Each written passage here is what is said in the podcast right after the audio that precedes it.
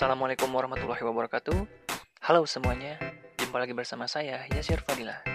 Oh ya, terima kasih banyak karena kamu udah mendengarkan podcast ini. Senang bisa ketemu kamu di sini dan saya ingin berbagi tentang tips pengembangan diri, karir, skills, atau cara yang bisa membuat kamu menjadi lebih baik. Karena saya tahu kamu punya potensi. Mari kita mulai.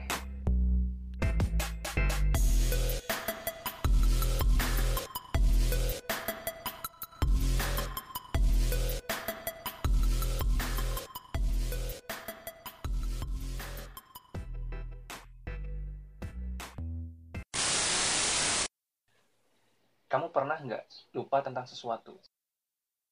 Kita cenderung melupakan sesuatu yang kita baca, sesuatu yang kita dengar, atau sesuatu yang kita tonton. Saya juga pernah melupakan sesuatu yang saya pelajari. Ini terjadi ketika saya mempelajarinya satu kali. Belajar satu kali itu nggak cukup buat saya. Saya harus mengulang beberapa kali untuk menguatkan memori saya. Ngomong-ngomong, saya sadar kalau mengingat atau menghafal sesuatu itu nggak cuma mengingat kata per kata aja. Ya, barangkali kita terbiasa buat belajar tentang materi di kelas dengan menghafalnya. Lalu kita malah nggak mengingat keseluruhan kontennya. Kira-kira apa yang salah? Ya, sebenarnya nggak semua orang bisa mengingat sesuatu secara presisi, secara tepat beberapa orang mengingat sesuatu berdasarkan bahasa mereka. Maksud saya, mereka bisa mengingat sesuatu kalau mereka bisa mengingatnya menggunakan bahasa mereka. Bahasa yang memang mudah kita pahami. Ya nggak masalah kalau misalnya kata itu nggak sama persis, selama kita bisa menjelaskannya dengan benar saya dapat insight dari Jordan Peterson tentang gimana caranya kita mengingat atau menghafal sesuatu tanpa menghafalnya. Ya, kurang lebih ada tiga tahap untuk mengingat sesuatu menurut Jordan Peterson. Yang pertama, berikan perhatian yang penuh. Ketika kamu membaca, mendengarkan, atau menonton sesuatu, kamu harus memberikan perhatian yang penuh kepada apa yang sedang kamu hadapi itu.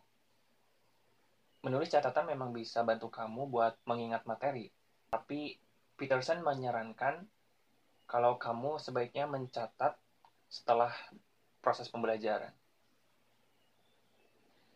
Ya, meskipun kita juga bisa mencatat sambil belajar ya, tapi jangan sampai proses belajar kita dihabiskan oleh mencatat. Jadi, kita harus mencurahkan perhatian penuh uh, kepada topik itu. Pikirkan tentang opini atau pendapatmu. Kamu bisa memberikan argumen atau opini kepada materi itu. Jadi kamu nggak cuma mengingatnya, tapi kamu bisa membuat pemahaman yang logis tentang materi itu.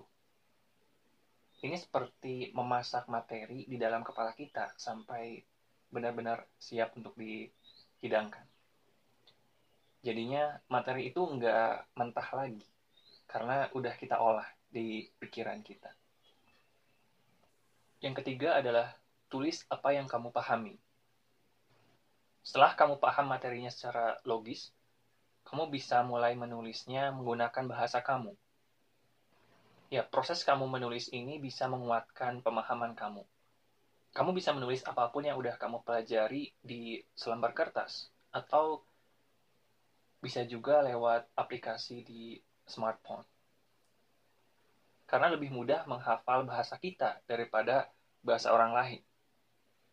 Lebih mudah menghafal sesuatu berdasarkan apa yang kita pahami daripada apa yang orang lain pahami. Coba kita terapkan teknik ini di topik yang spesifik. Coba bayangkan seandainya kamu berusaha mengingat sesuatu tentang teori ekonomi misalnya kamu harus memberikan perhatian yang penuh ketika membacanya atau mempelajarinya. Coba pikirkan juga tentang opini atau pendapat kamu tentang teori ekonomi itu. Barangkali kamu bisa menyederhanakannya. Setelah itu, coba tulis apa yang kamu pahami tentang teori ekonomi. Dan terakhir, baca tulisanmu secara berulang. Itu tiga langkah yang bisa kamu pelajari untuk menguasai kecerdasan memori atau memory intelligence untuk menguatkan kemampuan menghafal kamu. Yang gak masalah kalau misalnya kamu punya teknik yang lain. Lakukan apa yang sekiranya cocok buat kamu. Intinya, kamu bisa menghafal apa yang kamu pahami secara efektif daripada apa yang kamu ketahui. Oke, apa materi atau sesuatu yang ingin kamu hafalkan sekarang? Semoga bermanfaat ya. Saya Sirfadila, sampai jumpa di episode selanjutnya.